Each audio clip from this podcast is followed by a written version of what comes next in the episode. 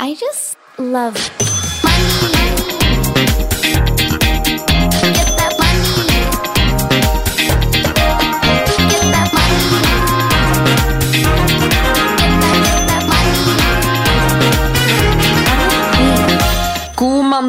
Og velkommen til en ny episode av Karrierekvinner podcast. Jeg lover at eh, det blir mindre tårer i denne episoden.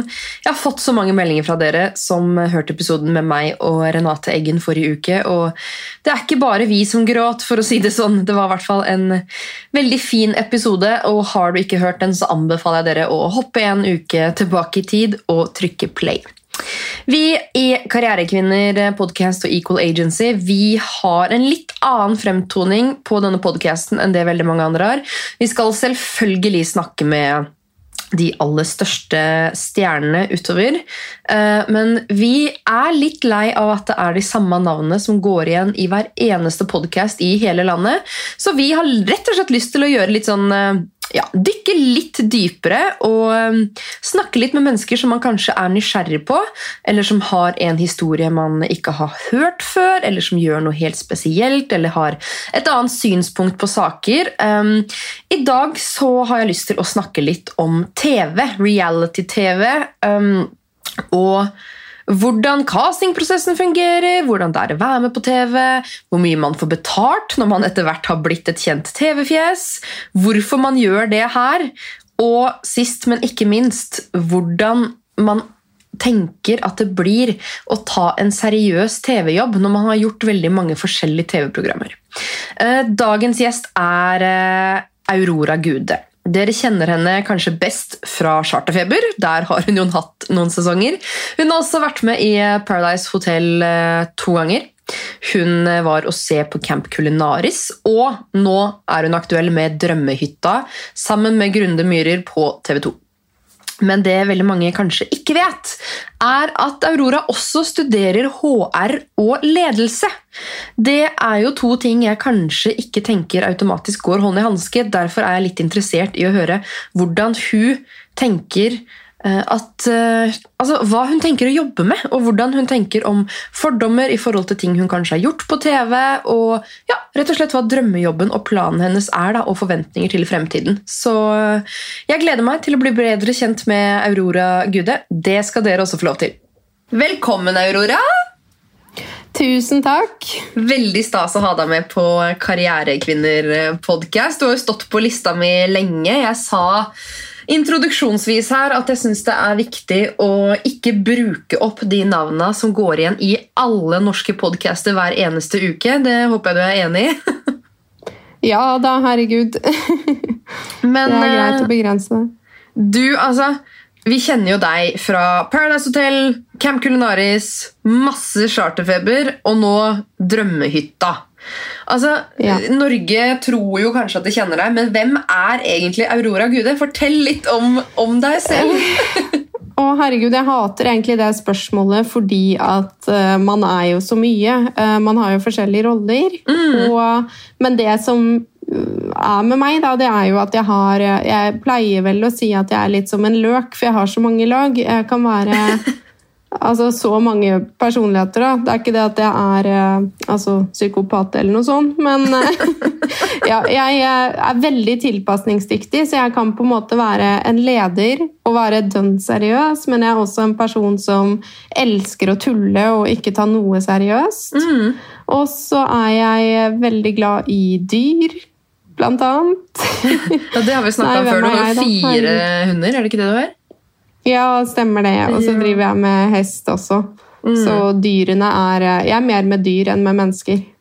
Ja, deilig. Du har i hvert fall selskap under pandemien. Jeg har masse selskap, heldigvis. Og jeg er veldig glad jeg har de hundene. Hvis ikke hadde jeg gått på veggen her. Ja, det skjønner jeg. Det med hund er jo digg, for du, du blir tvunget til å komme deg ut. Det gjør du med hest òg, for så vidt. Men, eh, Ja da. Det, men det er så er interessant det du sier at du har mange lag, fordi man føler kanskje når man ser deg på TV og kanskje på Instagram, at man blir kjent med det ene laget. Føler du at du er Ja. den samme personen på TV som du er på Instagram? Er det liksom bare ett av laga, eller får du, føler du at du får vist hele deg på TV? Um, jeg føler jo at på TV får jeg vist mye av meg selv, ikke på Chartfeber. Eh, Det skal sies at sånn sett er jeg litt misfornøyd med det program programmet, fordi jeg føler at de, de virkelig gir meg ett lag, da, og ikke flere lag. Mens eh, eksempel Kamp Kulinaris og sånne ting, så føler jeg jo at jeg fikk vist masse av meg. Men Instagram, der er jeg kanskje ikke like god. Kunne vært mer frampå, ærlig. Men det blir fort en litt sånn rosa Instagram-boble, føler jeg. Mm. Så litt dårligere der, kanskje. Er det et valg du har tatt om at ting skal være litt mer sånn glansbilde, på en måte, eller har det bare blitt sånn? Jeg tror at jeg rett og slett er dårligere på sosiale medier enn hva jeg er på TV. For på TV så trenger jeg ikke skrive noe og finne på alt selv. eh, hvis du skjønner. Der kan jeg bare improvisere, og det er jeg veldig god på. Ja, altså Der er det bare sånn gå og gjør det her. Si hva du føler. Det er så eh, til, lagt til rette, da. Mens på Instagram må jeg liksom drive og finne på så mye greier, og så ja, går det litt tregere der, da. Vanskelig. Ja, Men ok, det du sier med chartfeber, at de viser de du sier at chartfeber viser liksom én side av deg. Hvilken side er det? De viser jo egentlig eh, min nesten verste side, altså. Syns jeg. Det kan hende at jeg sikkert er min største kritiker, men jeg føler at de setter meg i én bås, eh, på en måte, og kanskje fremstiller meg litt kortere enn jeg er innimellom. Og litt uh, uhyggelig til tider. Uff da. Ja. Men du- hvor mange sesonger er det du har vært med på chartfeber? da? Det er tre sesonger. Men Merka du ikke det etter første sesong? Hvordan de klipper deg, og så ble det med en til, og så merka du det kanskje da, og så ble det med en til? Er det fordi, er det, fordi det er så eh, det er- gøy? Hva er det som får Eh, deg til å liksom gjøre det en gang til, da? Eh, nei, det er jo noe med at eh, en fjær kan bli til tusen høns. Og hvis en kan si det sånn Jeg tenker jo at eh, hvis jeg har lyst til å eksponere meg og vise meg fram, så må jeg på en måte eh, gå dit jeg kan det. Og jeg har jo veldig mye selvironi. Jeg er jo ikke redd for å bli fremstilt feil. Hadde jeg vært det, så hadde jeg jo sikkert eh, aldri blitt med i det hele tatt. Men det er er nei. klart at eh, jeg har sett liksom muligheten ved at det kan gjøre at jeg får nye muligheter også, pluss at det er jo en tur. Man får jo dratt og solt seg og hatt det relativt hyggelig. Så det er Ja, på en måte ja. ikke en kjip ting i det hele tatt. Men eh, det er klart at det er en liten pris. Det er jo ikke alle som tar meg så seriøst sikkert når de ser meg på butikken, eller som tenker 'å, herregud, der er hun'. Ja, for det er jo faktisk et spørsmål eh, som jeg har til deg, og det er jo det her med at eh, du studerer jo faktisk HR og personalledelse. eh, og en dag så kan det hende at du har noe helt annet å drive med. At du jobber som HR-sjef i et stort firma, stort firma eller du, kanskje du ansetter folk selv. Er du redd for det at det her liksom skal henge igjen, det charterfeber-aurora, liksom? Eh, nei, altså, hva skal en si? Jeg, nå er jo ikke drømmen min å jobbe med HR og personalledelse. Det er en Nei. utdanning som jeg sikkert tok fordi mamma underveis i livet har klart å eh, få fram at man må ha en utdannelse for å være lykket eh, i livet. Så da jeg begynte på utdannelsen, så hadde jeg jo vanlig jobb og var veldig i en sånn A4-boble. Og da tenkte jeg ja, men nå må jeg gjøre noe med livet mitt, liksom. Eh, Så det jeg håper nå, er jo at jeg ikke trenger den utdannelsen, og heller kan jobbe med TV. F.eks. For eksempel programleder er en drøm jeg har. Men eh, jeg vet jo med sikkerhet at skulle jeg måtte jobbe med HR en dag, så vil jo noe henge igjen. Og det er ikke sikkert jeg klarer å få den jobben jeg vil ha engang. For jeg har på en måte vært med på så mye nå at eh, om noen ikke kjenner meg igjen, så er det så lett å google meg og bare Oi! Så jeg tror at eh, jeg heller burde startet noe selv, hvis jeg skulle hatt en kall det seriøs jobb da, og tatt meg ledelse eller HR eller sånne ting. Ja, ikke sant? At det er ingen som sitter og skal ansette deg, på en måte. Nei, jeg tror egentlig ikke at det er så mange altså, Ja, hvis det er en veldig kreativ og nytenkende bedrift som prøver å se fordeler og ikke ulemper, ja, da har jeg sikkert et håp. Men jeg tror at en veldig firkantet og ja, eh, ja Nei, jeg vet ikke. Det er ikke så mange jo seriøse. Altså Ja, men det er det som er så gøy, for det er alltid så veldig mange som sier sånn derre «Å, Er du ikke redd for eh, at det her skal gå utover jobbmulighetene dine senere? Så er det sånn Men jeg vil jo ikke jobbe der hvis det her skal Nei. gå utover altså, Ja. det, er sånn, Man what? vil jo ikke det. det er liksom samme som å Nei, men det er samme som å si sånn Å, herregud, skal det gå med de tatoveringene der på gamlehjem? Det blir litt det samme som hvem faen Ja. bryr seg? Altså, det er jo ikke det Jeg er jo ikke her er for å please andre. Så. Nei, da er, det ikke, da er det ikke det jeg vil. Da, da, er, det ikke, da er det greit, liksom. Men du sier at du har lyst til å jobbe mer med TV, kanskje som programleder. Hva, altså, hvilket program da? Nei, gud, eh, det vet jeg jo ikke, fordi eh, jeg vil jo jobbe med noe som er artig, eh, som har litt humor, og gjerne også noe som kan hjelpe andre i form av psykisk helse eller noe sånt. Men liksom drømmen, hvis jeg skulle tatt over et program i dag, så ville jeg vel enten tatt over Paradise Hotel, Ja, eller typ eh, panelet på VGTV. Det er liksom sånne ting som ser veldig Det er kule jobber, da, syns jeg. 100% Men eh, Mm. hva er det som gjør at du er så glad i TV? Har du alltid vært det? Eller har, har du alltid hatt en drøm om at du skal være med på TV, liksom, siden du var liten? Du, det har jeg hatt, så det er litt artig, fordi at det er gøy å sitte som voksen og tenke at da jeg var barn, så hadde jeg en visjon. og faktisk så har jeg fått til et eller annet, i hvert fall. Mm, så jeg har alltid hatt en, en veldig sånn kunstnerisk og allsidig personlighet som skiller seg litt ut. Det har jeg alltid hatt, og alltid vært sånn glad i å eksponere meg selv og skille meg ut og gå imot strømmen. Det har liksom vært et personlighetstrekk jeg alltid har hatt. Um, så det har jo alltid vært en drøm, det vil jeg vel si. Men eh, altså, når du var liten, hva er det du så på TV og tenkte det vil jeg være med på? liksom? Selv så satt jeg jo bare og drømte om å være med på Robinson. Ja, det er jo noen som drømmer om det òg. Det første jeg tenkte, var at jeg ville bli skuespiller. Eh, Og så etter hvert så Det som skjedde, holdt jeg på å si For jeg var jo alltid sånn Å, skulle ønske jeg kunne bli kjent og liksom eh, være på TV. Jeg tror ikke jeg hadde noe sånn spesifikk Jeg tror jeg bare syntes at det var veldig kult. Jeg ville bli Hollywood-frue da jeg var 16. Og da ville jeg være med i Norske Hollywood-fruer. Så eh, det startet litt der. Men eh, det, det er jo noe med hva man tenker er realistisk underveis i livet òg. Og sånn som Paradise Hotel, da, som var det første jeg ble med på, da ble jeg inspirert av en eh, tidligere deltaker som Hvem? sa hvor kult det var å være eh, en, ja, det, Birger Dahl, som var med i sesongen før meg. Han fortalte Ja. liksom om opplevelsen, da, og da ble jeg giret på at herregud, så kult! Herregud, det har jeg lyst til. Og så meldte jeg meg på, og så klarte jeg å komme med det.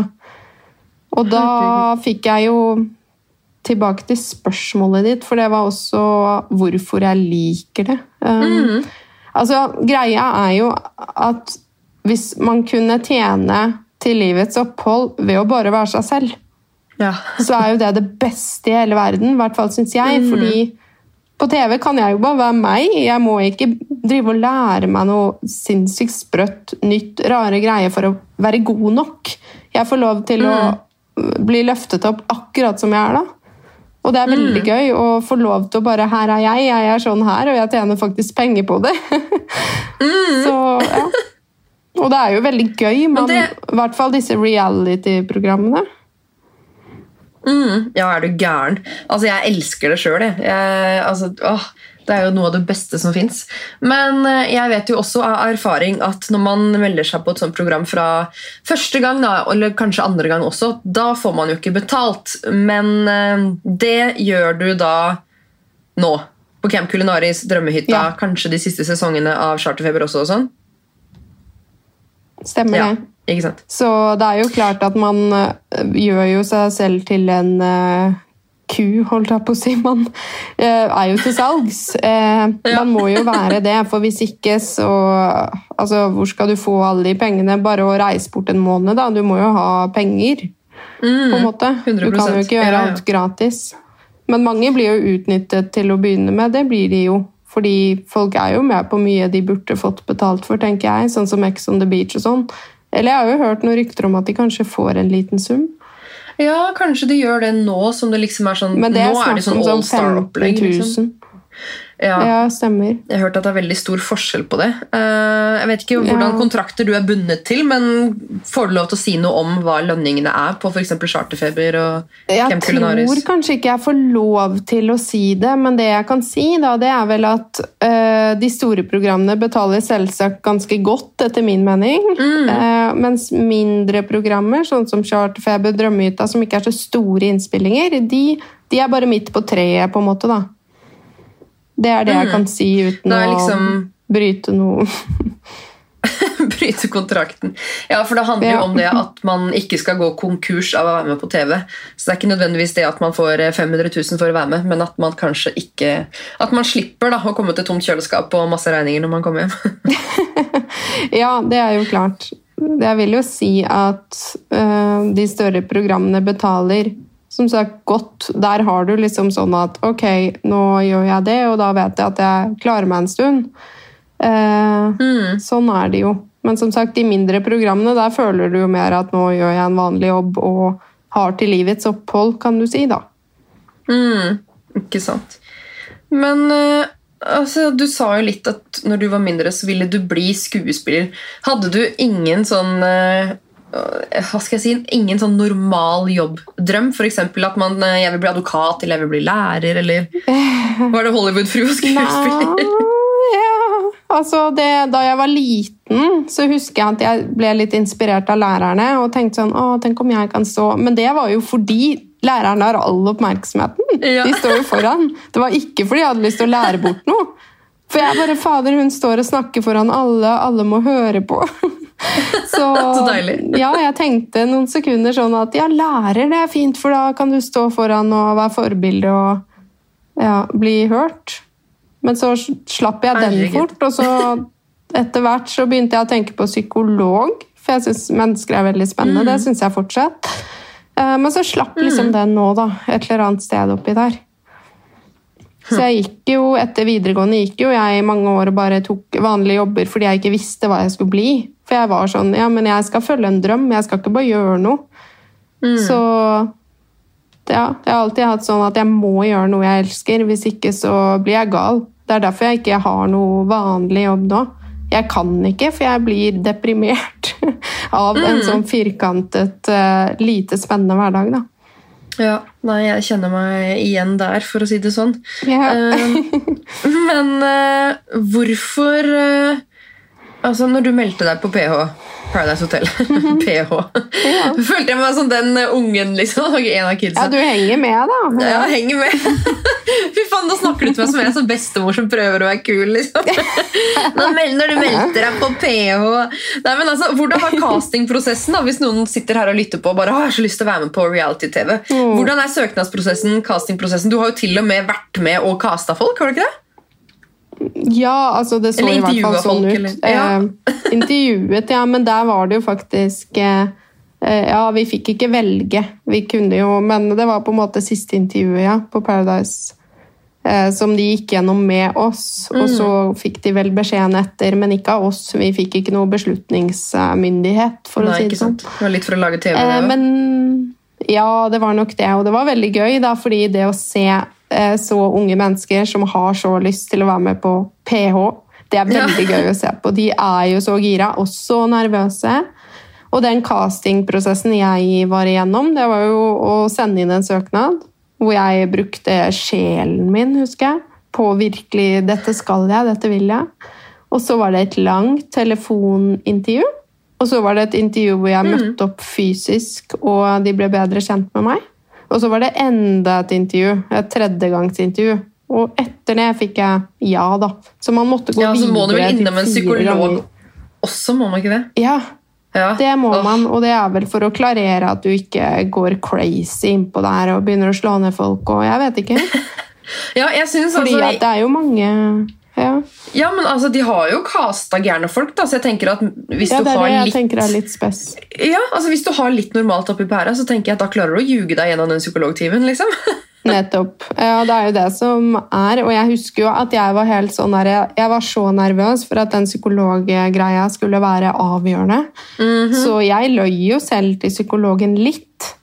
For eksempel da, så spurte de sånn For jeg, pappaen min døde jo da jeg var eh, ti år. Og så spurte Ja. psykologen om dette her. Ja, hvordan går det? Så er det sånn, ja, ja, det, det går bra. Det, det lever jeg godt med. Men sannheten var jo at det er noe som virkelig satt i meg. Men jeg prøvde jo å få sant. alt til å virke som nei, det går helt fint. Og for jeg var så redd for at det skulle ha noe å si, da, at jeg på en måte hadde en underliggende depresjon fra det. Men Mm. ja, det gikk noe bra. Ja, for det er jo noe som kanskje kan komme fram hvis man krangler eller drikker eller sånne ting, da. Jeg merker i hvert fall det Mm. Kanskje. selv, at når man drikker, så bare kommer alt mulig rart fram. Ja, som du bare nei, tenkte jeg er det har jeg jo deala med. Ja, det, det er jo noe ved det, men jeg er jo så konfliktsky. Jeg hater jo å krangle med folk, så jeg skal mye til før jeg på en måte ek eksploderer. Så jeg var jo trygg Ja. på det, da. Ikke sant. Men når du sier det her med at du sendte inn en søknad og du la sjela di i det eh, Jeg da, i Equal Agency, En av oppdragene jeg tar på meg, er jo faktisk å hjelpe folk om å søke seg inn på reality. Og nå har jeg jo fått oh, ja. en av medlemmene våre inn på casting. Kan jo ikke si noe mer eh, til hvilket program, Nei, nei. eller annet sånt, men det handler jo virkelig om å ta utgangspunkt i hvem man er, og så bare skru på sånn at du gjør deg selv litt mer ekstrem kanskje da, enn det du egentlig er. Føler du at det stemmer på en måte? At du tar dine trekk, og så bare mm, skrur du opp volumet, liksom? ja det, er, det er jo som de sier, at du skal være deg selv 110% ja, Så det sant? er 100, og så 10 bare ekstra. Ja, ikke sant? Ja, men hvis det er 150, da tenker jeg jo at da er du jo fake. Da gjør du det jo av feil intensjon, på en måte. Ja, ja, ja. 100% Men du må Så- skru til litt, og Ja, Åh, nei, herregud. Åh, det er jo så spennende, den der castingprosessen. Fy fader, det er jo noe av det kuleste. Ja. Det og budrunde på hus. Det er, sånn, det er de to tinga hvor du bare Åh, Det er så ja, gøy. ja, ja. Nei, det er døds, eh, dødsgøy. Um, jeg var gjennom en prosess nå nylig, faktisk, for jeg skal av gårde på et nytt program snart. Eh, Mm. Men da, altså, det er jo en pinebenk, fordi at selv om man er litt kjent fra før da, og blir vurdert, så blir du fortsatt først vurdert. Det er, ikke sånn, det er Ja, ja, veldig ja. uvanlig, da, med mindre du er veldig på topp. Så er det ikke sånn at de Mm. ringer og 'hei, vi skal ha deg med der', hvis du sier ja. De skal først intervjue deg og vurdere deg. Mm. Så det er jo det som er litt interessant, at den pinebenken det er det mange som sitter på selv om de har noen år på TV fra før. liksom. Ja, er du gæren uansett om det er Farmen eller Skal vi danse eller Ja, er du gal? Jeg har jo vært i en to måneder lang samtale nå med Robinson, og så endte du med at jeg takka nei da pga. pandemien og alt mulig sånn, men ja, det er fortsatt en Oi, intervjuprosess og pinebenk og full pakke. Men uh, Altså, de, dritt. de Jeg skal hadde som lage sagt Robinson. De får til. Ja, de skal det, og jeg har drømt om det så forbanna lenge, og så bare, Jeg takke nei pga. pandemi. Jeg bare kan faktisk ikke sitte her og kjefte på folk som reiser, og så bare stikker jeg av gårde sjøl, liksom. Det, Nei, det er jo kanskje litt spesielt. Så, Ja. Men der, eh, der, det skal du ha. Det er moralske valg. ja, det er altfor moralsk. Jeg kjenner jeg er litt forbanna på meg sjøl. Hvis ikke jeg får den sjansen igjen til neste år, så klikker det for meg. Åh, ja, herregud. Uff, Nei, men der er det nesten så jeg sier at du bare skulle reist, men ja, uff. Det, det Ja. er litt av et valg. Ja, nei, men Da har vi jo eh, dette nettrollhelvetet på Jodel og Kvinneguiden, og sånn som du garantert er kjent med. De fine menneskene som sitter ute og har så mye å finne på. Jeg har hørt om det. Hørt om det? Har du fått mye dritt opp gjennom tida? Eh, ja, det er å lyve å si jeg ikke har det. Um, men uh, jeg har også fått så mye fint, og uh, en må liksom lage sånn vektforhold. Jeg tenker jo at hvis man får mer dritt enn positivt, så kan det til og med i visse tilfeller være fortjent. Um, Ja. For da har du kanskje gjort noe stygt. da. Si at du er skikkelig stygg mot noen andre på TV, så kanskje du fortjener å få litt dritt. Men det er jo en balanse på hva slags dritt man skal få. Hvis man bare får Mm. det fordi noen syns du er stygg, så er jo ikke det greit. Så ja, Nei. jeg har jo fått en del opp igjennom. Jeg har det. Men uh, det er jo å lage seg et filter, da. Og fire Ja, men Er du god på det? For jeg føler Det er så mange som sier det.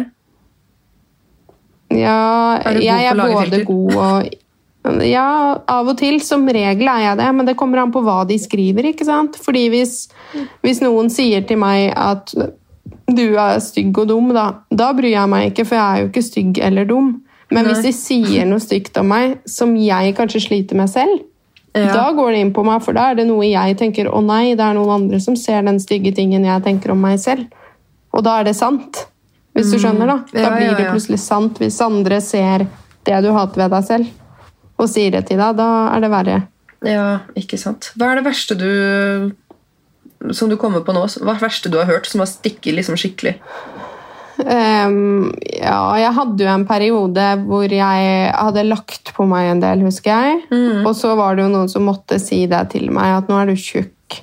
Det, Ja. altså, det høres kanskje veldig overfladisk ut, men det var en periode jeg gikk og slet veldig med det.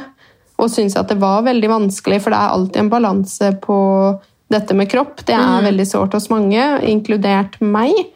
Og da husker jeg at jeg ble jo helt Jeg gikk jo i kjelleren, for jeg tenkte Jeg prøvde jo å tenke sånn Nei, herregud, det er bare jeg som tror jeg har lagt på meg. Jeg, nå må jeg roe meg ned, jeg må ikke se så stygt på meg selv. Og kjæresten min bare Herregud, du er ikke tjukk. Og så kommer jo de der trollene, da, vet du, og bare Nå har du blitt tjukk. Så bare ok, takk for det.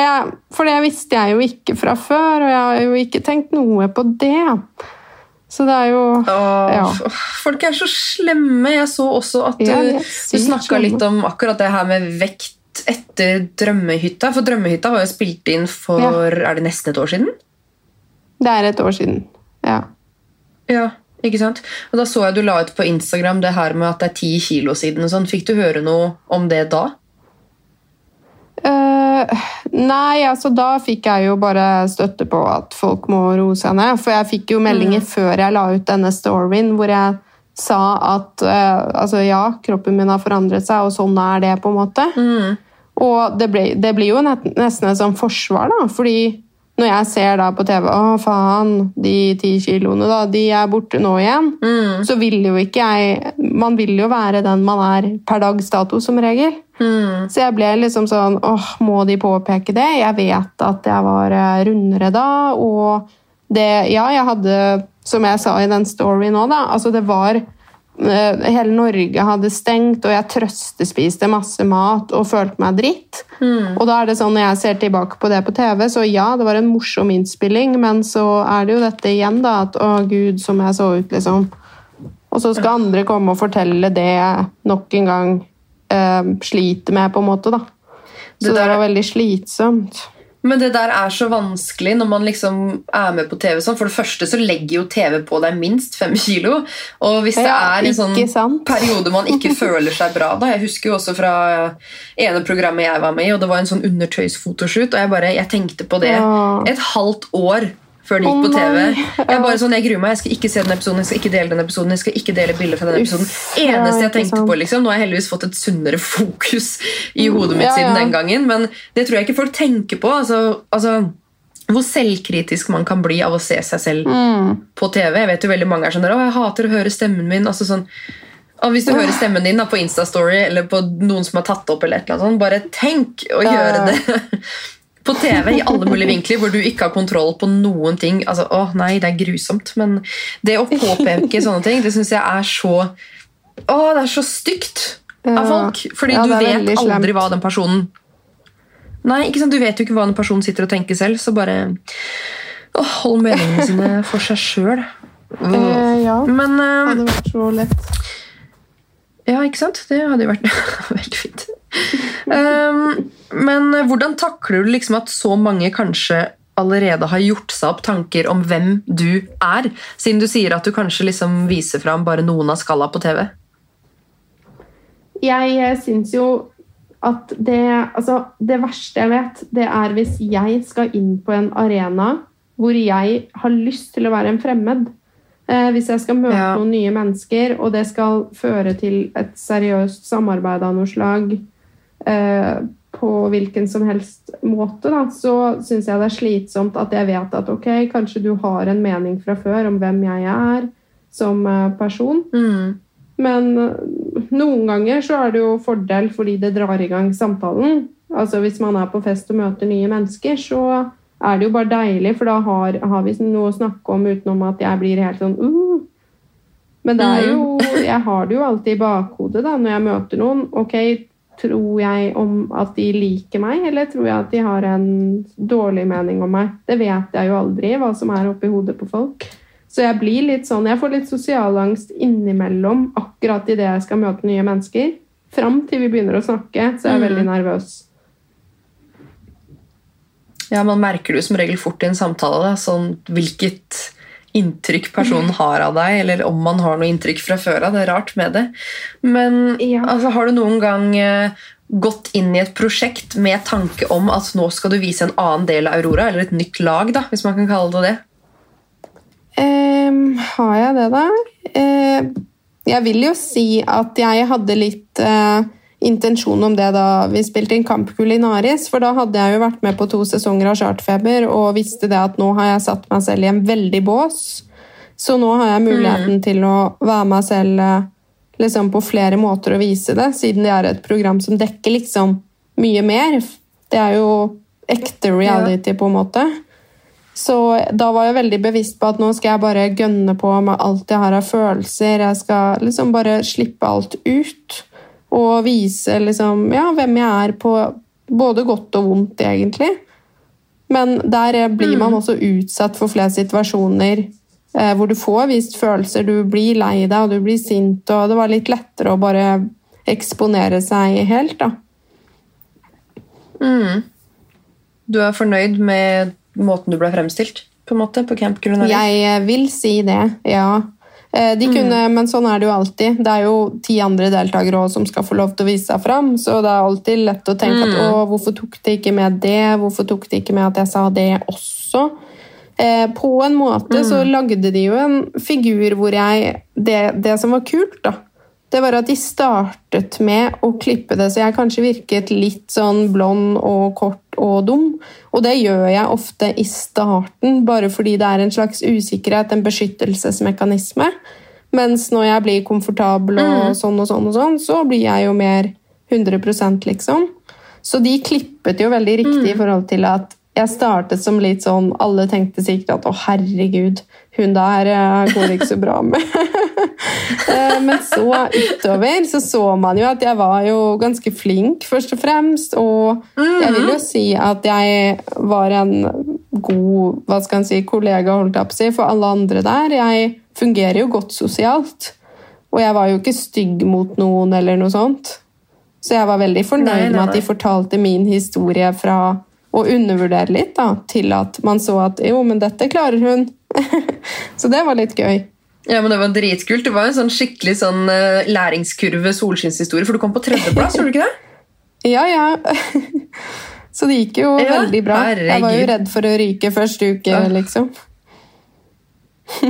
Ja, det er man jo alltid. Det er jo sånn åh, mareritt å ryke første uka i et eh, langvarig reality-program. Ja, det er jo det. Åh. Da får man liksom ikke mye ut av det. Nei, uff. Men altså, ved siden av TV så er du jo aktiv på Instagram, Snapchat, YouTube Nei, ikke YouTube, blogg. Du er jo litt sånn overalt. Um, og du sier liksom at drømmejobben er programleder, men sånn på stående fot nå Hva er liksom neste steg for Aurora? Ja, du sier at du skal være med på en ny TV-produksjon, og sånn, men hva er planen din med sosiale medier? Er det liksom å bare holde merkevaren varm? Er det liksom, Vil du bli større? Er det influenser du liksom har lyst til å ha som på en måte jobb de neste fem åra? Hva, hva ligger i korta de neste åra, liksom? Nei, altså, jeg har jo ikke noe sånn der langsiktig plan på noe som helst, og det kan jeg ikke ha, føler jeg, i den situasjonen jeg er heller. Eh, Men jeg skal jo, som du sa, holde brødene varme. Det er jo viktig. Å holde eh, tingene gående. Og jeg vil gjerne vokse litt, for jeg har på en måte mye hva skal en si, ubrukt potensial da, i forhold til mange andre som liksom er eh, i min eh, Hva heter det? Min bås. Så jeg bør jo egentlig få noe fart på sosiale medier, egentlig. Bloggen, den Det er jo på en måte en bransje som er litt på vei ned, så den oppdaterer jeg egentlig mest bare sånn når jeg føler litt for det, da. Og så har jeg et par YouTube-videoer ute og sånn, så det er, eh, det er litt sånn søke etter videoer på appen. Var det Siri? Det var bare Siri som hadde et par Det er ikke første gang Eh, Siri jo, dukker opp i poden. Nei, jeg har ikke noe sånn eh, veldig bra plan. Um, og så er det noe med det at en må prioritere der det skjer, og akkurat nå så må jeg på en måte tenke på den produksjonen og hvordan det skal være. Og så er det jo ettervirkningen av det. Hva skjer etter det? For da kan man jo på en måte få andre muligheter. Altså, det er litt sånn der å kaste ut en terning da, og se hvordan det går for meg akkurat nå. Mm, det er jo veldig spennende, da. Det er jo en ja, superdigg livsstil som for oss som er kreative ikke orker noe sånn 8-4-opplegg. Um, Ja da. men uh, altså Hvordan er det når du da er med i en TV-produksjon? Er det sånn at du som influenser merker du på en måte at når du er aktuell med et nytt TV-program, eller noen har lansert din deltakelse i et eller annet, merker du at det er mer trøkk på kanalene dine i form av samarbeidsforespørsler og sånne ting? Ja, det, det er veldig sånn. Eh, hver gang det er på en måte, og Spesielt når programmet går på TV, så ser jeg jo Da vokser jo følgertall og engasjement alt sammen. Så det er jo litt sånn jeg lever nå. Sånn som nå er det en stund siden det har vært noe spesielt på TV, og da vet jeg jo at ok, nå, nå kan jeg ikke tenke så mye på liksom, engasjement og sånn, for nå er det som det er. Jeg er litt lat på den måten, for jeg kunne jo sikkert gjort noe med det Det må det ikke være! men, eh! Hva faen? To poster ut, to poster om dagen! Kom igjen, Aurora! Ja, ikke sant? Herregud, jeg er så dårlig på det der. Men eh, det, ja, jeg har jo flyttet, og det har skjedd så mye den siste tiden. Men du har rett i det, i hvert fall, da, at hver gang det er noe på TV, så vokser jo alt av seg selv. Så ja, jeg lever liksom på det, jeg, da. Men eh, Ah, nei. Det så, altså, man snakker jo ofte om altså, når, man, når vi også lanserte denne podcasten av Karrierekvinner, så er det liksom veldig mange som forventa at man skal intervjue damer som bare har alt sånn at man liksom har gjort et eller annet sykt fett, at man har alt på stell, man har liksom en skikkelig strategi, man er liksom manipulativ, man vet liksom, man har en forretningsplan, alt mulig. Men jeg syns bare det er så kult å snakke med noen som, som bare er litt sånn Ja, jeg bare får det til, jeg. Eller, det bare, det bare, jeg bare tar det litt som, eh, som det kommer, liksom. Men eh, er det sånn at du tenker Nå vet jo ikke jeg hva du ser for deg i fremtiden, da, hvor du ønsker å bo, om du vil ha barn eller ikke, og sånne ting, men er det, er det en sånn her livsstil du kunne, altså Er det det her du har lyst til å gjøre hele tiden? Eller er det sånn en dag så skal du ha en sånn og sånn jobb, og du skal ha en sånn og sånn inntekt? Eller er bare, har du lyst til å bare winge det til du går av med pensjon? Holdt jeg på å si. Eh, altså, ja, det er jo igjen så er jo problemet mitt at jeg har aldri vært god på å tenke langsiktig. Hvis noen spør sånn, hvor er du om ti år, så får jeg bare panikk. For det vet ikke jeg. Jeg vet ikke engang om jeg lever. Altså, jeg er helt sånn, klarer ikke forholde meg til langtidsperspektivet. Eh, men jeg håper jo at jeg kan etablere meg eh, innen TV, som sagt. Det er liksom drømmen. Eh, og at en klarer å melke den kuen der da, så lenge det lar seg gjøre. Det er liksom første mål, men lengre har ikke jeg tenkt. Og så lenge jeg klarer meg økonomisk, så kommer ikke jeg på en måte til å sikte noen annen vei. Eh, og det er jo veldig synd at det egentlig følger økonomiske At det, det skal avgjøre, men sånn er det egentlig for meg. At så lenge jeg kan leve på det jeg driver med, så er jeg der, da. Da skal ikke jeg gjøre noe annet. Nei, kult. Og den dagen du står der og det ikke er noen produksjoner på vei, eller noe, hva gjør du da? Da får jeg vel panikk, da. jeg vet ikke. Jeg hadde jo en ganske Altså, jeg fikk jo helt noia da korona kom i fjor. For da mistet jeg jo to-tre jobber eh, på det. Og så ble det veldig stille en eh, periode. Og så eh, tok det seg egentlig opp igjen nå. Nå begynner ballen å rulle igjen. Så korona gjorde jo at jeg satt og tenkte veldig mye. Og det er sikkert mange andre òg som eh, fikk en ganske smell i ansiktet. Eh, Ja, uansett hva man jobber med. Ja, det har jo påvirka alle. Jeg der ble jeg litt Det har påvirka deg òg, selvfølgelig har det det. Du har spilt inn mye i utlandet og sånn. Og ja, ikke bare det, men norske produksjoner også. Det var ganske veldig strengt i begynnelsen. Ja, alt bare ble Det var nesten ikke noe som ble lagd plutselig. Det var jo mange ting jeg hadde som jeg trodde skulle bli noe av, som bare Ja, det bare skjøtta ned. Så det var veldig skummelt, egentlig, da, siden det var eh, ja, Det var så mye som dukket opp av muligheter etter Kamp Kulinaris, men som ikke ble muligheter allikevel. Så da fikk jeg en støkk og tenkte ok, hva gjør jeg nå? Og så bestemte jeg meg for at ok, eh, jeg har jo studiene, Så jeg gir meg selv en tidsfrist. Eh, og det var egentlig våren nå, da. Så sa jeg at hvis det ikke har skjedd noe innen da, da må jeg begynne å tenke annerledes. Da får jeg jo eh, se om jeg kanskje skal søke noen HR-jobber og alt sånn. Men så snudde jo ting bare på en uke, så dukket det opp tre forskjellige muligheter. Og da tenkte jeg bare tusen takk, livet, for jeg det, Ja, sånn er det, liksom. Det var det jeg trengte for at eh, det skulle ordne seg igjen. Så da ruller ballen igjen. Så jeg lever jo et litt sånn derre Ja, eh, hva skal en si? Det er litt ustabilt mentalt noen ganger fordi at man er så avhengig av mange andre for å lykkes. da. I hvert fall innen TV så er det ikke jeg som bestemmer hva jeg skal og ikke alltid. Men har du noen gang tenkt på at du skal ta litt sånn karrieren din i dine egne hender og være litt sånn ok, nå, nå skal vi finne ut av noe her. Eksempel å pitche en idé da, til en TV-kanal hvor du er programleder, eller altså gjøre et eller annet hvor du på en måte får litt kontroll igjen. da. Ja, det er veldig fint uh, sagt, holdt jeg på å si. Jeg har jo hatt sånne små tanker innimellom som aldri har blitt til større ideer, som de kanskje burde blitt. Jeg har jo på en måte noen ganger tenkt ok, hvis jeg skal lage meg en ny inntektskilde, hva kunne jeg gjort? Og da har jeg jo tenkt ok, kanskje jeg skulle hatt en nettbutikk, for eksempel. Da. Eh, Så det er jo noe jeg har tenkt at ok, kanskje en dag jeg lager det også, men det må jo skje på rett tid, tenker jeg da. Og nei, hva skal en si? Jeg eh, har vært litt dårlig det siste året, men det har skjedd veldig mye i livet mitt også, som har gjort at eh, drømmer på en måte nesten har blitt satt litt på pause. Utenom å si for mye om hva som har skjedd, men det har vært noen ting som mentalt har tatt mye plass, da, som gjør at jeg ikke har klart å være eh, 100% på ballen på alt som jeg kunne vært det på. da. Ja, ikke sant.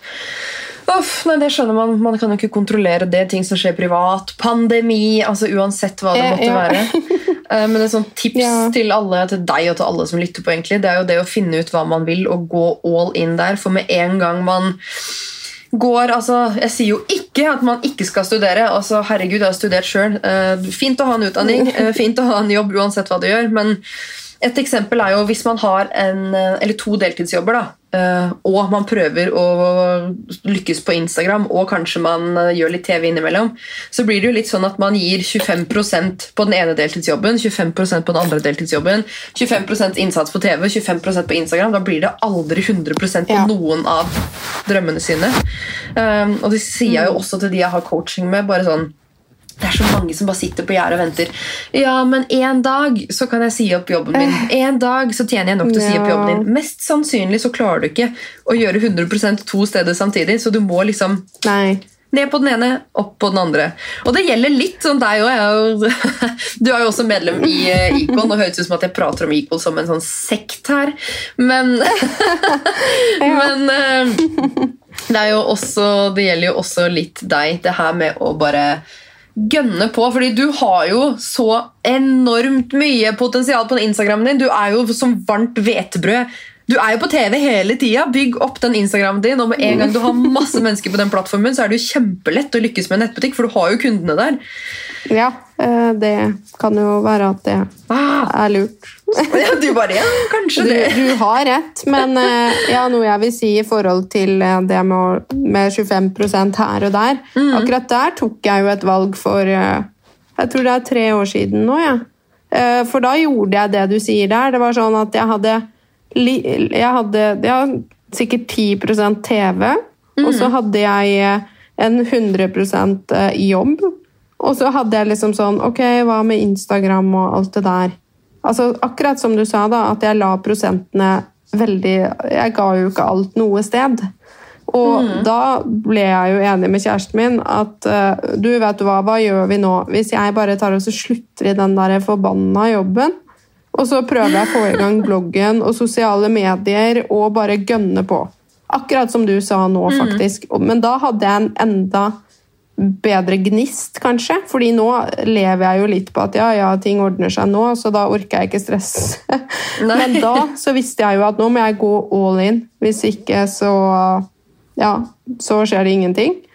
Og det som skjedde da, var jo faktisk at det Altså, det flamma jo opp da jeg ga 100% liksom på riktig sted. da. og det jeg hadde lyst til å gjøre. Og jeg hadde aldri fått de ekstra TV-jobbene jeg har fått hvis jeg ikke tok det valget om å si opp den jobben og bare gi alt på de plattformene jeg hadde. Så den ene døren jeg på en måte åpnet, den førte til syv andre dører. Så det er jo helt fantastisk. Som du sier, når du virkelig tør å ta det valget og bare kaste deg ut i det. Da skjedde det mye magisk, altså. Jeg hadde ikke sittet her eh, og gjort det samme i dag om jeg ikke hadde tatt det valget. Åh, det er så deilig å høre. Det er, det, åh, den der komfortsona den bringer ikke med seg en dritt bra. Annet enn at du har råd det, til det samme brødet liksom, hver uke. ja, Ja, men, ja. ja, men altså, komfortsonen er trygg, og den er god. Men det er liksom den der med at du må gi tid for å få penger, blant annet. Den derre. Her får du en time av meg, og så får jeg 175 kroner av deg. Hva er det for noe piss?! jeg kjenner jeg blir helt Nei, sånn det er egentlig åh. litt dårlig deal. Det er ganske dårlig deal når man vet hva som finnes der ute. Hvis man bare tør. Og jeg tror i hvert fall at det er noe for alle der ute. Da. Jeg tenker jo ikke, altså Alle kan jo kanskje ikke være sin egen sjef, og alle kan ikke være ditt og alle kan ikke være datt, men prøv. Nei. Det er så mange som ikke prøver, og da er du allerede liksom så mye lenger da, enn konkurrentene. Ja. holdt jeg på å si. Det, Men, det er eh, helt sant, altså. Hva er det morsomste TV-programmet du har spilt inn? av de du har gjort? Eh, Å, herregud. Det er sikkert teit å si at det er Paradise, men det er det, for det er det gøyeste jeg har vært med på. Ah, Det ser så digg ut. Jeg kunne ønske jeg var eh, 20 år og ung og lovende og singel. Da hadde jeg meldt meg på. Ja, røy altså, jeg røy skulle med mann ønske jeg var det selv, holdt jeg på å si. Eller eh, ja, det hadde vært gøy. Altså, jeg er sikker på om jeg hadde vært 30 år, jeg, så hadde jeg bare Hvis jeg hadde blitt spurt, hadde jeg bare ja, jeg blir med igjen. Kan de ikke lage en sånn er derre. Paradise for sånn Paradise senior? Å, så Ja. Det kan, du, det, det kan du pitche inn. Der kan du være programleder. Ja, ikke sant? Ja, herregud, kanskje jeg skal gjøre det. Å, det hadde vært så gøy. Jeg hadde lett søkt. Men eh, hva er det du drømmer Ja. om å være med på nå? Oi. uh, nei, jeg har vel ikke noe drøm om noe spesifikt. Jeg har mer drømmen om Litt som du sier, en bør lage en idé, da, men det er jo et nytt program å få lov til å på en måte ha en rolle i første utgave av noe. Det er det jeg har lyst til nå. Noe som på en måte kommer og tar alle med storm. Noe nytt som jeg kan være med å liksom påvirke litt selv. Du skulle vært programleder i Naked. Attraction. Å, herregud, det er så gøy. Jeg elsker det programmet. Oh, det er så guilty pleasure å sitte der med kjæresten sin og spise popkorn og bare mm, se på denne. ja, du ser på med kjæresten? Å, Ja, ja! Ja, ja, ja, ja. Han er ikke Nei, jeg interessert. se da, det alene. Nei, ikke sant? Du må tvinge. Nei, men herregud, det hadde vært sjukt fett. Men ok, men altså, er det liksom Er det Jeg føler liksom at Skal vi danse det er et sånt program som alle drømmer om å være med. Og nå har det blitt Ja. litt sånn Kompani Lauritzen. Det kunne ikke jeg tenkt meg. tror Jeg Jeg hadde bare driti meg ut på Kompani Lauritzen og 71. Ja. Jeg skulle gjerne likt å sett deg på 71. da ja, herregud. Det hadde jo vært kjempegøy. ah, Det er noe jeg sikkert hadde sagt ja til. Det er Mm. bare det at da Det er jo den frykten, da. For, eh, og det gjelder Skal vi danse. For som du sier, det virker jo så sinnssykt kult å være med på. Og det er jo så sinnssykt bra PR òg. Mm. Men eh, jeg, i hvert fall, jeg eier ikke rytme og takt og alt sånt. Altså, så jeg, hadde, jeg er veldig redd for For hvis jeg skulle blitt spurt om det en gang i livet, holdt jeg på å si, så hadde jeg sikkert hatt kjempelyst, men jeg hadde vært så redd for å gjøre det dårlig. Så det er faktisk ikke øverst på ønskelisten. Jeg hadde typ sagt ja til Farmen før det, liksom. mm. Hvis jeg måtte velge. Åh, ja, nei, uff, heller skal vi danse enn eh, både 71 og Kompani Lauritzen for min del. Jeg hadde driti meg så ut. Jeg hadde vært Vegard Harm og så rimta i bakken. Og jeg hadde bare... Å nei, gud. Ja. Nei. Men hva er det du absolutt ikke ville vært med på, da? Ex on the beach. Ja, bra. Ja, men Det er så mange som tenker at Paradise Hotel og Ex on the Beach det er liksom sånn potero og potaro. Har du vært med på det ene, så kan du være med på det andre. Hvorfor ville du ikke vært med på Ex on the Beach? Uh, altså Det er veldig enkelt, fordi at jeg liker ikke eksene mine. Jeg ville aldri møte de igjen. Det, og i tillegg så er det på en måte noe med uh, stigma rundt det. Ja, det kan kanskje jeg si som har vært med på Paradise, men jeg syns at Ex on the Beach er hakket verre enn eh, Paradise med tanke på hva det fokuserer på. For Paradise er jo et spill og en konkurranse og litt sånn, men Sex on the Beach er utelukkende bare for drama og sex og hvem som klina med hvem. Så jeg syns at det er eh, Nei, jeg, det er ikke mine verdier da, å bli med på noe sånt. Nei, det er faktisk helt sant. Jeg har ikke tenkt på det sånn, fordi du vinner jo ikke noe. Du er bare der, og så er det joho, og så er det hjem, liksom. Veldig merkelig. Ja, og en skjønner jo at Ja, jeg har heller er aldri er forstått. eh, Nei. Det er veldig Ja, spesielt. for å få 49 000 følgere. Ja, det virker litt sånn da, at det kun er det som er motivet til de som er med. Og Paradise Mm. Hotel, der igjen, så har du jo Altså, det er mange som går gjennom det programmet uten å så mye som nesten kline med noen. Altså, jeg hadde jo Mm. aldri sex med noen da jeg var der, og sånne ting. Så der får du Mm. lov til å Altså, hvis du ikke ligger på Ex on the Beach, da, så blir du sendt hjem. Ja, ja det er som er faktisk sant. sykt òg, at du må lage drama eller ligge med folk for å få bli. Fy fader, det der det er er nesten en sånn sak. avissak. Det her er en debatt, Aurora. Ja, det er det. Uh. Altså, det er jo skikkelig ille, og du ser jo hvor langt de går bare for å få oppmerksomhet og få bli. Mm. De starter jo krangler ut av hvem som drakk av hvilket glass, omtrent. Mm. Det er jo bare surr. Er Så man skjønner sant. at deltakerne har det som motivasjonsfaktor, og enten gjøre de drøyeste sextingene eller eh, krangle så mye som mulig. Herregud, godt poeng. Uh, wow, det har jeg ikke tenkt på. Det er fader meg sant, for det er jo ingen premie der, og det er jo bare pennen som bestemmer hvem som får bli. Det handler bare om å gi underholdning. Uh, Ja. Jesus Christ. Nei, sykt, sykt opplegg. Jeg kunne heller aldri vært med på noe sånt. Og, åh, høres jeg veldig gammeldags ut, men hvis Lea hadde vært med på det der Ja, dra på Paradise, gjør hva du vil, men Ja, the var Beach. ikke det. Nei, fy fader. Men bare sånn for å gi litt sånn verdi på slutten her. Hva er um, ditt beste tips til noen som har lyst til å søke seg inn i reality-TV? Eh, altså, det jeg i hvert fall har lykkes med, er jo å gi alt av seg selv. Og hvis du har eksempler på noe som, gjør deg, som skiller deg ut, da. Si at du har en sinnssykt rar eh, fyllehistorie eller et personlighetstrekk du ikke er stolt av, så må du si det. Du må på en måte brette ut deg selv, du, fordi de er ikke ute etter en person som er perfekt. De er ute etter en person som skiller seg ut og er interessant. Du må på en måte vise hva er det jeg har og sier og gjør som ikke alle andre gjør. Det er det jeg tenker er det beste å vite hvis du skal søke.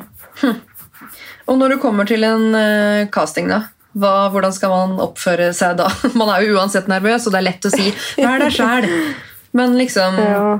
ja, Skal man være seg sjæl? Skal man være seg sjæl, men litt mer ekstrem? Skal man, altså, hvordan skal man oppføre seg på casting? Eh, Jeg syns jo man skal være seg selv, eh, men prøve å sortere. Hva er det du vil få fram? Vil du få fram at du er morsom, så sørg for å være morsom. Mm. Fortell de kleine vitsene dine, eller si ting du ikke skulle ha sagt som du tenker. altså litt sånne ting. Eh, Sånn som Jeg gjør jo alltid det. Jeg sier det du ikke bør si, på en måte. Veldig ofte, og det fungerer veldig bra. da. Eh, Så du skal Jeg syns ikke man skal være mer enn seg selv, fordi da vil du jo miste deg selv litt i prosessen hvis du prøver å være noe du ikke er. Så det er viktig å bare tenke hva er det jeg Hva er kjernepersonen i meg, og hva gjør meg spesiell? Og få dette fram. Å, det er så deilig å høre deg si det, for jeg har helt ærlig tenkt noen ganger hvis jeg har sett på Chartfeber, sånn, så er det bare sånn, det her er jo bare skuespill. Det kan jo ikke være sånn hele tida. Så forstår man jo at det er klippa. Men når du sier det, da, at det er liksom sånne typiske rare historier som kommer fram, og liksom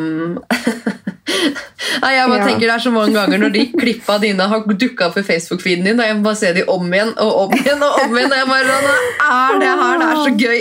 Ja. Det er jo det det handler om, da. Å gi underholdning til folket, og der er du god, Aurora. Jo, takk for det. Du burde bare ha din egen sånn IG-TV-serie eller noe, bare for å vise folk hei, se hva jeg kan, liksom. Ja, jeg bør jo finne på noe. Jeg må jo si jeg blir litt mer inspirert når andre sier at du må gjøre noe. Så når jeg, nå skal jeg ta så og kose meg, for jeg er i karantene nå fram til uh, i en uke. Oh. Og så skal jeg bort og lage den der TV-greia. Og etter det da skal jeg fader meg ta meg sammen, altså. Da skal jeg eh, gjøre noe med den Instagrammen, og jeg skal lage masse greier. Men da tror jeg at jeg skal snakke litt med deg også. Gjør det. For jeg klarer det ikke alene. Du trenger et Eh, lite ja. dytt i ræven, og der, der Jeg kan jeg trenger det, du har helt rett, men jeg må bare komme meg mentalt opp av den gropa, koronagropa jeg har gravd meg. For det er Ja. problemet mitt, at jeg har blitt helt sånn der paralysert. Klarer ingenting om dagen. Åh, nei, den er kjip. Det hjelper litt med sol, i hvert fall for meg. Altså, når det er pandemi og det er mørkt, da blir jeg faen meg Jeg blir et grusomt menneske. Åh, nå er det i hvert fall Ja. håp. håp for mennesker rundt meg, at jeg Det ikke er en liten bitch. Virkelig. Uff. Ja, nei, jeg syns ikke du har virket sånn, i hvert fall, så det er bra at du begynner å komme deg. Åh, ja. Men ok, nå, nå er det Drømmehytta på TV. Mens vi snakker, så går jo Drømmehytta på TV. Er det ikke det? Det har begynt nå.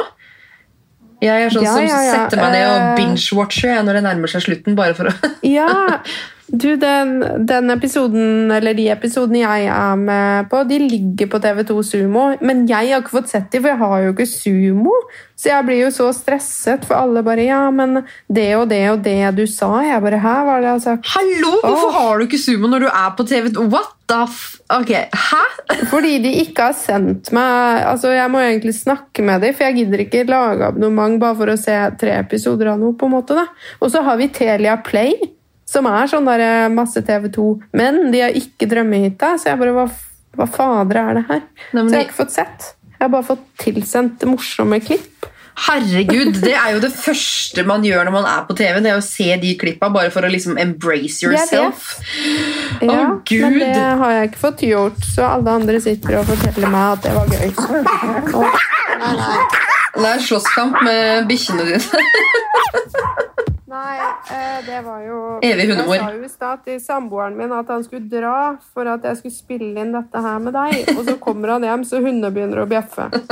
Det skjedde nå. Ja, Derfor men nå har, vi, nå har vi prata i nesten en time og føler at Ja. man har blitt litt eh, bedre kjent med deg. Eh, I hvert fall når man forstår det du sier med de her laga og hvordan ting blir klippa. Sånn, man vet jo som sagt hvordan, altså, at det blir klippa. Ofte er det jo sånn som Paradise, Ja. da, 24 timer blir klippa ned til 42 minutter eller noe. Ja Men, da, det er jo eh, klart at de må komprimere ting. Så, men det en må lære, er jo, og det sier jeg til alle som vil være med på ting òg, det er jo at du må ikke ta deg selv særlig høytidelig. Fordi da, da får du bare helt angst av å se på hele greia, og så angrer du. En må på en måte tenke at uh, nå skal jeg gjøre det her fordi det er gøy, ikke fordi jeg skal bli sett på som sånn eller sånn eller sånn. Du må bare være Nei, selv man, og uff. like det. Ikke vær selvkritisk, ja, fordi da legger man merke til alt. Altså, Tro meg, hvis Ja, dere skal ja, være på. TV, hver minste lille kvise ser 50 ganger større ut når Ja. du får den på, Ja. Ah, på TV-en. Gud, Jeg husker jeg så meg sjøl på kinolerret en gang. Ja, det er det verste jeg har gjort i hele mitt liv. Sitter fra rad én og bare stirrer rett opp i min egen dobbelthake og hører oh, min egen stemme shit. over det anlegget. Det oh, Det gjør jeg det ikke hadde ikke jeg fått. Nei, fy søren. det- det var- Oi. heftig medisin. Å, Gud. Men eh, ok, så gøy å bli bedre kjent med deg, Aurora. Jeg må innrømme at du, du virker mer eh, reflektert når jeg prater med deg nå, enn eh, når jeg ser deg på charterfeber. Det Ja, gir litt håp. sier det. ja, det er håp. Og en må tenke at det er underholdning, og det er ikke mer enn det. Ja, På en måte. Nei, men Det er gøy at du sier. Da har du i hvert fall en riktig innstilling til det selv. Du er i hvert fall god på å gi Ja, underholdning. Det er mange som kan eh, holdt jeg på å si, lære av deg. Man skal være seg selv, men ja, du har gjort det bra fra du var med på Paradise. og så er det bare en ny... Altså, Du er jo med overalt nå, som du sier, nå er du på vei inn i enda en ny innspilling. Det er dritkult. Og jeg gleder meg til å følge deg videre. Og um, Ja. alle dere som lytter, må gå inn og følge Aurora Gude på Instagram. Åh. Se hva for Ja, noe jeg spennende hun trenger det jo, har vi funnet ut. Så, ja. Hun trenger det til den dagen hun skal åpne nettbutikk. Som, eh, altså, hva skulle du hatt til den nettbutikken? Det må jeg bare spørre om. Vet du det? Hva skulle den nettbutikken vært? jeg tror at det skulle vært en kombinasjon av klær og interiør. Faktisk. Ja, ikke sant? Åh, Mm. Kult. Sånn litt sånn Gleder meg til den dagen. ting. Ah, stilig. Nei, men Da heier vi på Aurora og Instagram og TV, programlederroller og nettbutikk og full pakke. Følg som sagt Aurora Gude, følg eh, Karrierekvinner, Equal Agency, Benikte Haugård.no. Jeg vet dere som lytter er lei av at jeg ramser opp det her hver eneste gang, men bare for å gjenta det en siste gang, gå også gjerne inn i Spotify eller podkast-rappen. Gi oss en stjerne og en liten tilbakemelding, så er vi tilbake som alltid hver eneste mandag. Ha det bra, Aurora! Ha det bra. Ha det! I just love